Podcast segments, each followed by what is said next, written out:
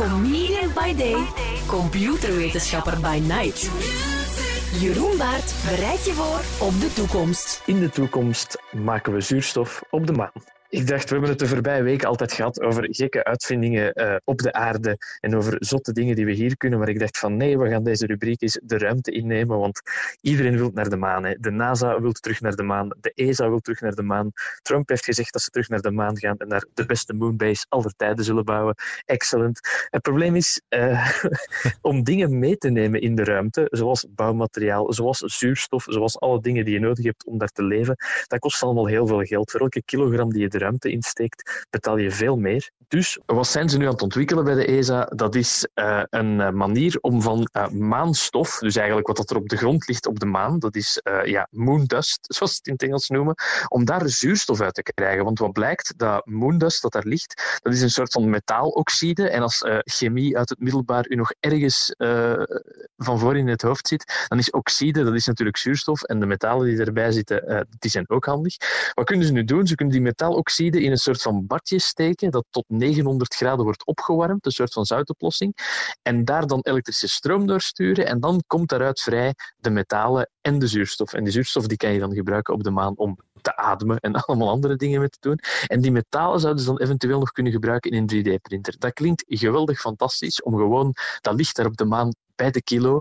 Uh, ze hebben het momenteel nog niet kunnen testen op echt maan, maanstof, want ja, dan moet je dat daar gaan halen. En ik heb eens opgezocht, over de hele ruimtevaartgeschiedenis uh, heen is er ongeveer 360 kilogram uh, maanstof naar de aarde gehaald door astronauten, door de Apollo-missies, door van alle andere, andere, andere manieren dat dat naar hier gekomen is. Maar daar hebben ze het dus nog niet op kunnen testen, want dat is duur en niet, niet meteen gemakkelijk. Dus ze testen het nu op een stof die heel hard lijkt op maanstof, maar de, de ESA zou toch tegen het volgende decennium, en we zijn nu 2020, dus we kunnen over het volgende decennium praten, dit decennium nog zouden ze willen dat ook echt op de maan proberen, kijken of dat ze van maanstof zowel zuurstof als metaal kunnen uh, extraheren.